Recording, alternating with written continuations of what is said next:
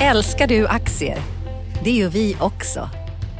Sea Worldwide Asset Management är en av Nordens största oberoende aktiva aktieförvaltare och har samlad kunskap sedan 1986. Ta del av vår kunskap på seaworldwide.se. Bokstaven C, worldwide.se.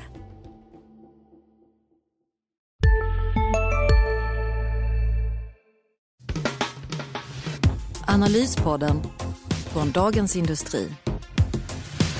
Hej allihopa! Välkomna till ett nytt avsnitt av Analyspodden, Dagens Industris podd där vi pratar aktier, finansmarknad och vi blickar lite framåt på slutet. Idag Martin Blomgren bakom en mikrofon och bakom den andra Magnus Dagel. Just det. Välkommen! Tack, tack. Vad ska vi säga om börsläget? Ja, det är väl riskaptit på, va, tycker jag. Ja. Många, mycket som pekar på det, tycker jag. Eh, Inte minst engelska skolan här som vi skulle prata lite om. Har 25 gånger övertecknat. Det känns nästan lite som 99 där, tycker jag igen. Ja, När, det var, när Cybercom var kraftigt övertecknat på nästan 100 gånger. Där, va? Intro- Så det- Introduktionerna går bra. Det har hoppat lite mer upp och ner på börsen men jag tittade en vecka tillbaka sen vi pratade senast och då är det faktiskt i princip oförändrat. Så att, eh, Ja, så det, man ser att sparflödena var ju positiva här i, under sommaren också. Det verkar som det sparas ganska kraftigt där och, och att institutionen ligger med ganska mycket kassa och, och kastas över alla nytecknade, och, ny, nytecknade aktier och ja, när, när det genomförs placings helt enkelt. Så det, det känns som hög riskaptit generellt. Ja.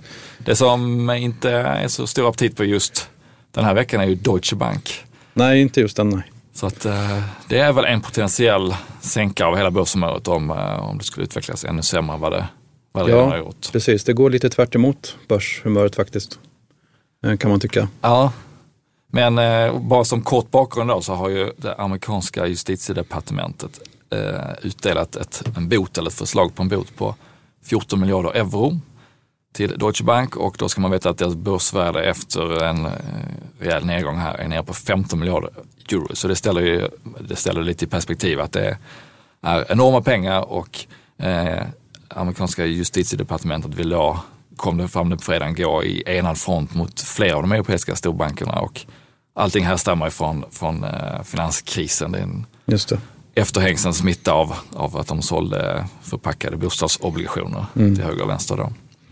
Eh, Men Deutsche Bank är ju en av de utpekade systemviktiga bankerna i Europa och världen och eh, det är ju det som är hela faran att, att man inte riktigt vet vilka andra som skulle drabbas om, om aktierna eller obligationerna fullständigt packar ihop.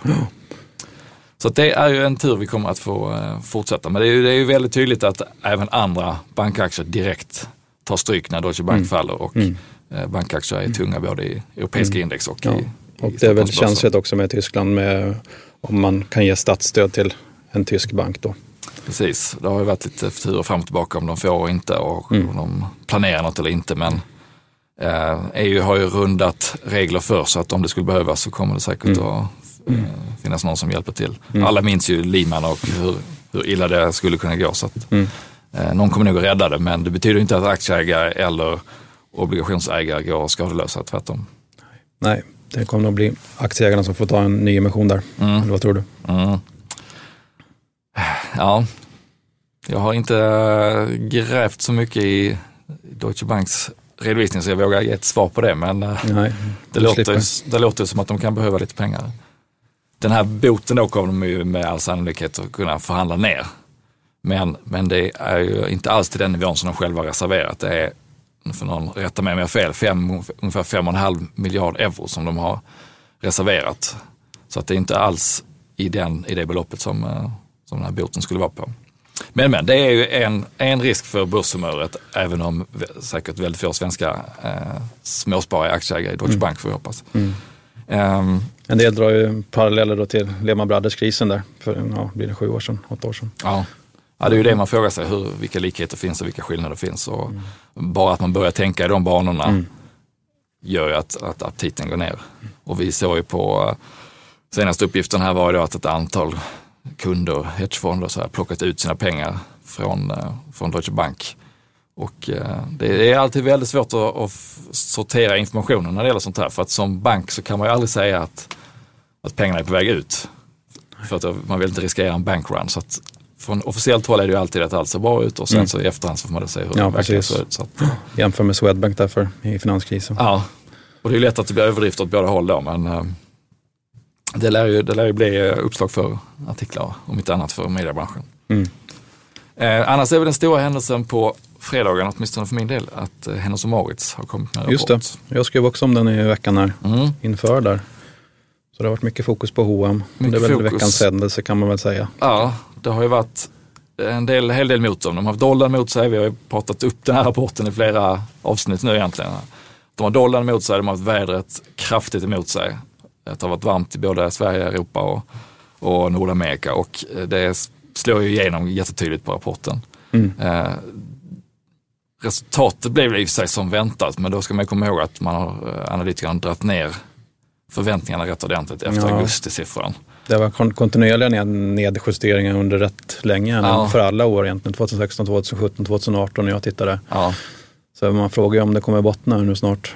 Ja det är frågan, men nu var ju rapport, nu var resultatet, nu har man liksom kalibrerat det till förväntningarna mm. för det här kvartalet. Men de släppte ju samtidigt då siffran för september, eh, mm. eh, septemberförsäljningen.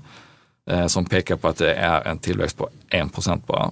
Och då ska man komma ihåg att H&M öppnar massa nya butiker så att skulle man räkna i jämförbart butiksbestånd så är det ju en nedgång i försäljningen. Mm. Mm. Eh, och då säljer man mindre, så har man samma personal, samma lokaler så tär det på marginalerna. Mm.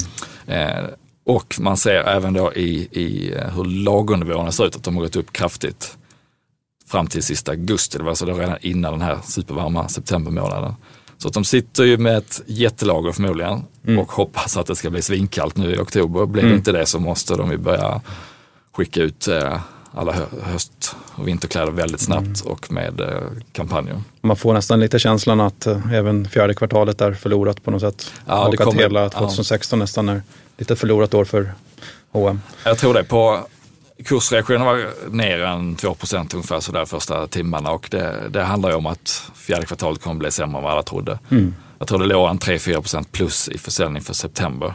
Eh, och det är ju bara en månad så det ska man inte dra ut för mycket av. Utan det, men den stora grejen är ju att, att man måste rea ut och att det sänker marginalerna. Det är inte bara att försäljningen går ner lite grann.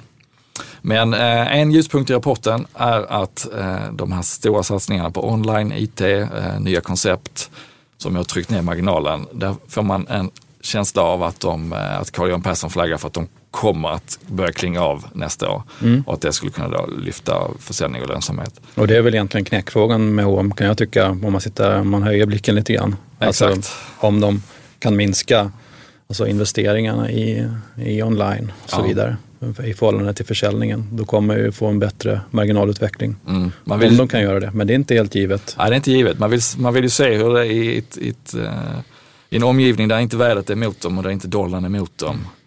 Och de inte ökar de här investeringarna längre utan det är någon, någon slags eh, mm. going forward-takt. Där vill man se, vad har det för ja. marginal då? Då kan man börja räkna. Och, men samtidigt så, jag tycker det är intressant, jag läste en amerikansk rapport mm. på det här och, och, eh, i Amerika så ändras ju handelsbeteendena fullständigt nu. Mm. De, JP Morgan räknar med att eh, det läggs ner 3000 retailbutiker mm. alltså i de kommande 18 månaderna för att mm. Eh, konsumenterna expanderar så mycket på, på internet helt enkelt.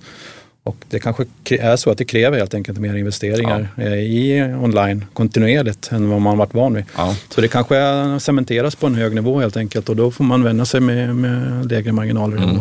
Ja, men det är en jätterisk, och det, och men, men ska man väl säga att det syns ju i marginalprognoserna för det är ingen som tror att de ska upp till de här 22 procenten längre utan Nej. det ligger ju en 13-13,5 procent i, i snittprognoserna. Men jag håller med, USA blir superintressant därför att mm dels för online och det är ju, det är ju bjässar som är inne och slåss där nu. Det är Amazon som har startat massa egna klädmärken. Amazon är ju störst i USA på e-handel också ja. kläder och expanderar kraftigt. Och även i fysiska butiker, även de som inte lägger ner det utan som startar nya, så kommer det ju låg, lågpriskonkurrenter som också har mm.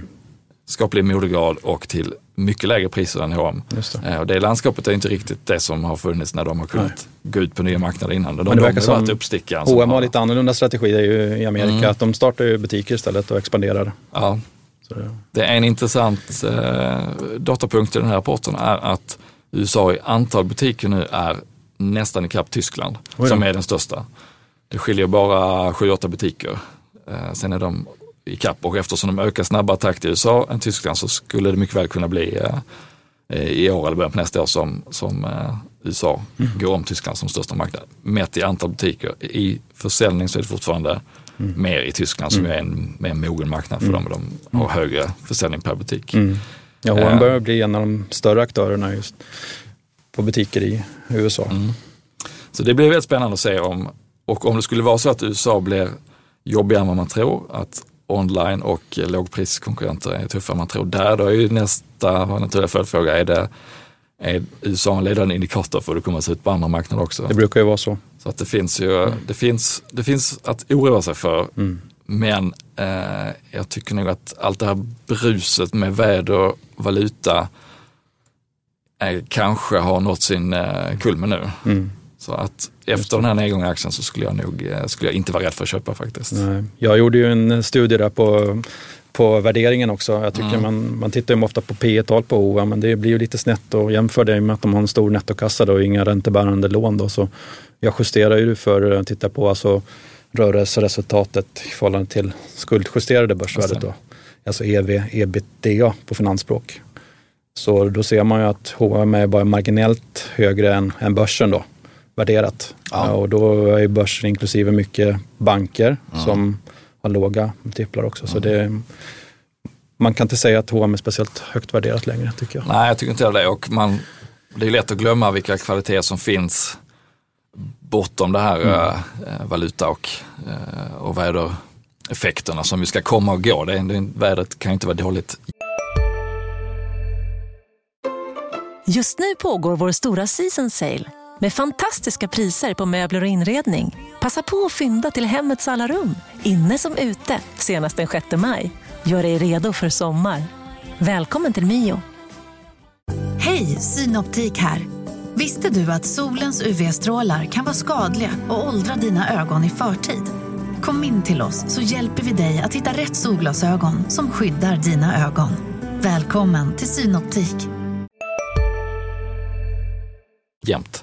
Utan när, när man nästa år möter de här siffrorna och det är kanske bättre väder förhoppningsvis, så har man ju lättare jämförelsesiffror. Då kommer det bli tvärtom. Då kommer man att hylla H&M för att de växte med så många procent Ja. så det knappt fanns.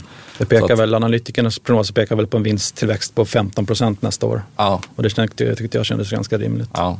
Och då, men då är det ju att försäljningen ökar och marginalen kommer tillbaka lite. Det är inte så att marginalen exploderar uppåt. Nej, Ehm, Men som vi har sagt tidigare, i ett scenario där, där de har både valutan och dollarn i ryggen och eh, de faktiskt lyckas få ut, skörda lite frukter av de här satsningarna mer än man kanske hade vågat tro, så, så kan det bli riktigt bra. Men även utan det där eh, superoptimist-scenariot så Ja, och det skulle går- jag lätt våga köpa nu. det går ju att växa också. Det såg man på Inditex rapport men inte annat. Mm. Som ja, strödde lite salt i såren på om det har växte väldigt bra även i september. Där. Ja, men bottenkänning i H&M tror vi, Ja. eller hur? Men håll ett öga på eh, USA och om det finns strukturella problem där Ja. som kan flyttas. Investeringstakten helt enkelt är avgörande. Ska vi nämna någonting om Haldex, soppan som fortsätter? Just det. Senaste där den här veckan är ju då att ZF som ligger på det lägre budet, 120 kronor per aktie, har sagt att de inte kommer höja, de kommer inte att ändra villkoren. Eh, deras bud löper ut på måndag. Har de inte 50 procent då så, så blir det inget från deras sida. Och så fort de sa det så sjönk ju aktien ner under den här 125 kronors nivån från Knorr Bamse som, som eh, många hade hoppats skulle komma ytterligare en höjning. Men eh, eh, ja, nu börjar det bli lite i kläm här Just det. inför måndagen om man, om man ska... Det blir spännande att se om de kommer över 50. Ja, det var, jag tyckte det var att man skulle sälja innan. Det är, när den låg över det översta budet. Men om nu 120 kronors budet försvinner, 125 ligger kvar, men är ett bud där man kan behöva vänta länge och det kan fastna i myndigheternas eh, kvarnar, så är det ju lite lurigare hur man ska göra. Ja. Sälja på börsen kanske. Sälja på börsen eller sitta och vänta på det här 125. Så att det, är- ja, det är en, ett, eh, ett nytt landskap jämfört med bara för en vecka sedan. Mm. Så vi får se vad som händer på måndag. Eh, vad har vi mer? Engelska skolan har ju varit i fokus i Engelska veckan. skolan, ny, ny på börsen. Ja. Visserligen ett litet bolag med ett börsvärde på 2 miljarder men väldigt välskött. Mm. Och kvalitetsbolag som har kommit in. Och uppenbart får man väl då säga att de har prissatt de här eh, med hänsyn till den politiska risken i den här välfärdsutredningen som är på gång. Ja, det gjorde de, men eh, det tog inte marknaden hänsyn till. Va? De handlade upp den med 30 procent första Mm. dagen. Så de, Det var vad jag menar, man satte det så lågt så att det Ja, skulle så vara att det givet vara att, eh, att det gick Mm. igenom. Ja. Mm. Och Academedia var ju en succé tidigare, så det är det de har, eh, hade i ryggen.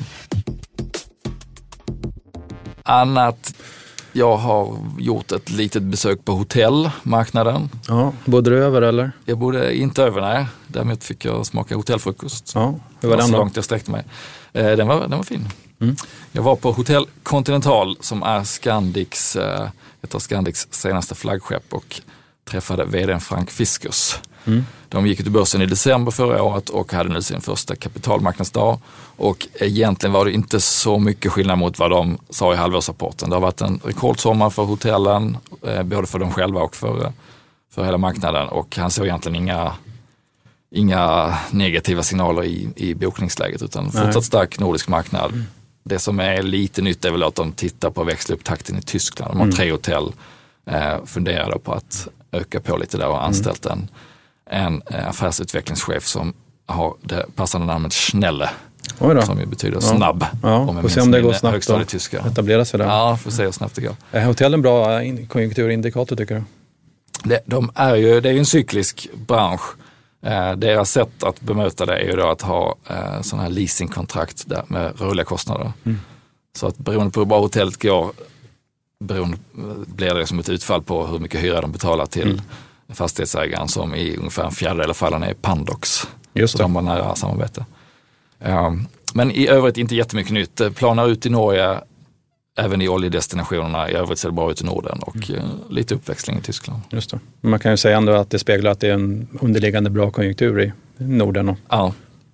Underliggande bra konjunktur och eh, det finns ju ett, ett, eh, en fördel för de nordiska länderna kanske då jämfört med resten av Europa i, i hänseende terrorattacker också där att Norden känns trygga. De kan lite grann sälja det på det. det. Och att man kanske semestrar hemma istället för Mm. ute i Europa. På marginalen kan det säkert påverka. Aktierna har ju gått bra i år, både Residor och, Ja. och Scandic. De, eh, jag tror de, ska, Residor har till och med gått upp lite bättre. Mm. 27 procent tror jag, sen årsskiftet. Så bägge har utvecklats starkt på börsen i år, får man säga. Mm. Så är det. Eh, En som inte har gått lika starkt är Telia, men där hittade du ett Ja, jag tyckte det var intressant. Jag har inte fått så mycket eh, uppmärksamhet eh, med deras fintur. Det kan ju vara sista pusselbiten som vi skrev där i försäljningen. Det kom ju förra veckan att de hade fått ett bud på 800 miljoner dollar för sin Mm. andel då i, i fintur. Där man har samlat fyra länder i Eurasien. Då. Och det äger man då tillsammans med eh, Turkcell som man själva är, är, är delägare i då och äger 38 procent av, av, av Turkcell. Då. Så det är en liten soppa det där. Och I Turkcells styrelse har man ju hållit på och bråkat nu i drygt tio år utan att ha fått till det. Så, eh, 2014 var faktiskt det enda året man, som Turkcell lämnade utdelning till Telia. Och, och pengarna har ju staplats på hög där istället till Turkcell. Då. Just det. Så- Men det här skulle vara ett sätt att i princip komma ur hela Eurasien Ja, och kvar ett ägande bara i Turkcell. eller? ja, precis. Och det, då är det egentligen Uzbekistan då, som kommer väl bli svårsålt av naturliga skäl. då. Mm. Men, eh, men det intressanta är ju att det, att det vore en väldigt bra affär för, för Turkcell tror jag i grunden att man skulle kunna kontrollera hela kassaflödena från de här Fintur då. Och det är ganska mycket pengar faktiskt. Det omsatte över 11 miljarder eh, i fjol då. Och det skulle göra att utdelningskapaciteten i, i Turkcell förbättras då ganska radikalt tror jag. Och det, det skulle ju kunna komma Telia till godo då på sikt då, när, när ägarna kan komma överens igen då. Mm. Så får vi se hur det blir. Så håller utkik eh, efter, eh, ja, efter en försäljning. Och Bra. Telia säger ju att de har fått bud från andra aktörer också då. Så får vi se om det blir Turkcell i slutändan som Mm. förvärvar sin tur. Bra. Annat att hålla utkik för om vi blickar fram på nästa vecka är ju ABB.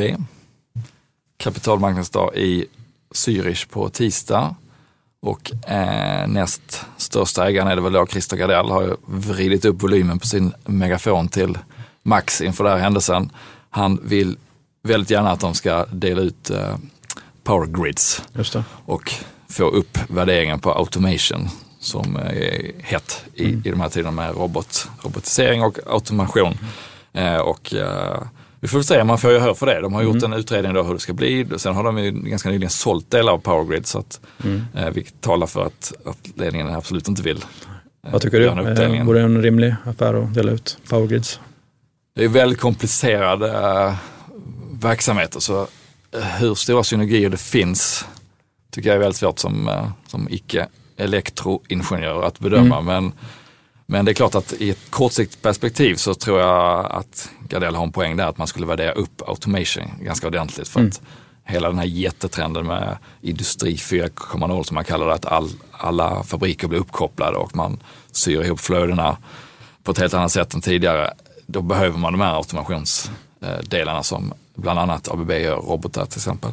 Eh, och, och, så den värderingen skulle komma upp och man skulle liksom slippa ha med sig det här eldelarna, powerdelarna. Eh, men sen om, om det verkligen är befogat på 3, 5, 10 års sikt i den operationella verksamheten, det, det vågar jag inte svara på. Mm. Har du någon stark åsikt kring Nej, jag har inte det. gridsen? Nej. Men det blir i alla fall spännande och eh, eh, det är på tisdag i Zürich som sagt. Och inte fullt lika spännande blev väl rapporten från Skistar som också kommer på tisdag. Eh, det är ju ett sommarkvartal där det inte händer så mycket i Just det. Ett Skistars meningslöst backar. kvartal som du sa. Ja, i princip ett meningslöst kvartal. det de brukar bjuda på är ju hur bokningsläget ser ut inför vintern.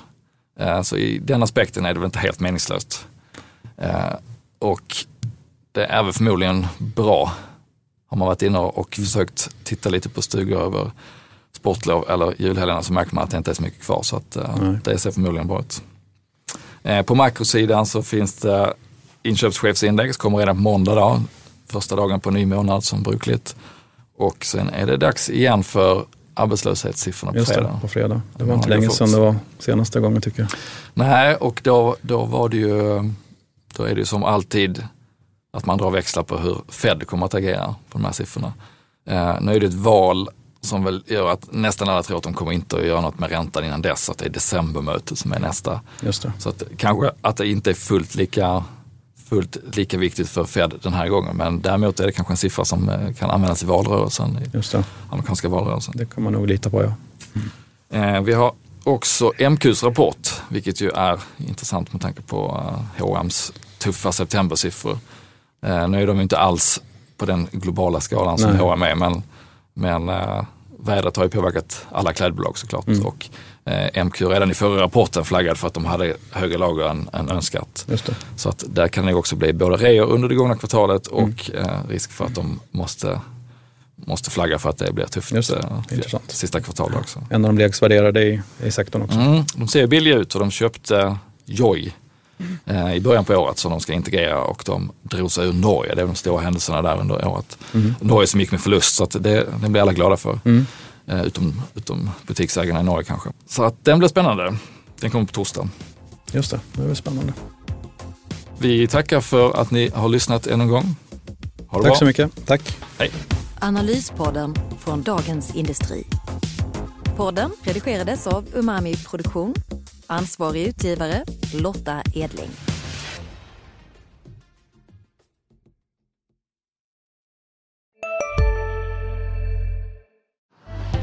Älskar du aktier? Det gör vi också. Sea Worldwide Asset Management är en av Nordens största oberoende aktiva aktieförvaltare och har samlad kunskap sedan 1986. Ta del av vår kunskap på seaworldwide.se.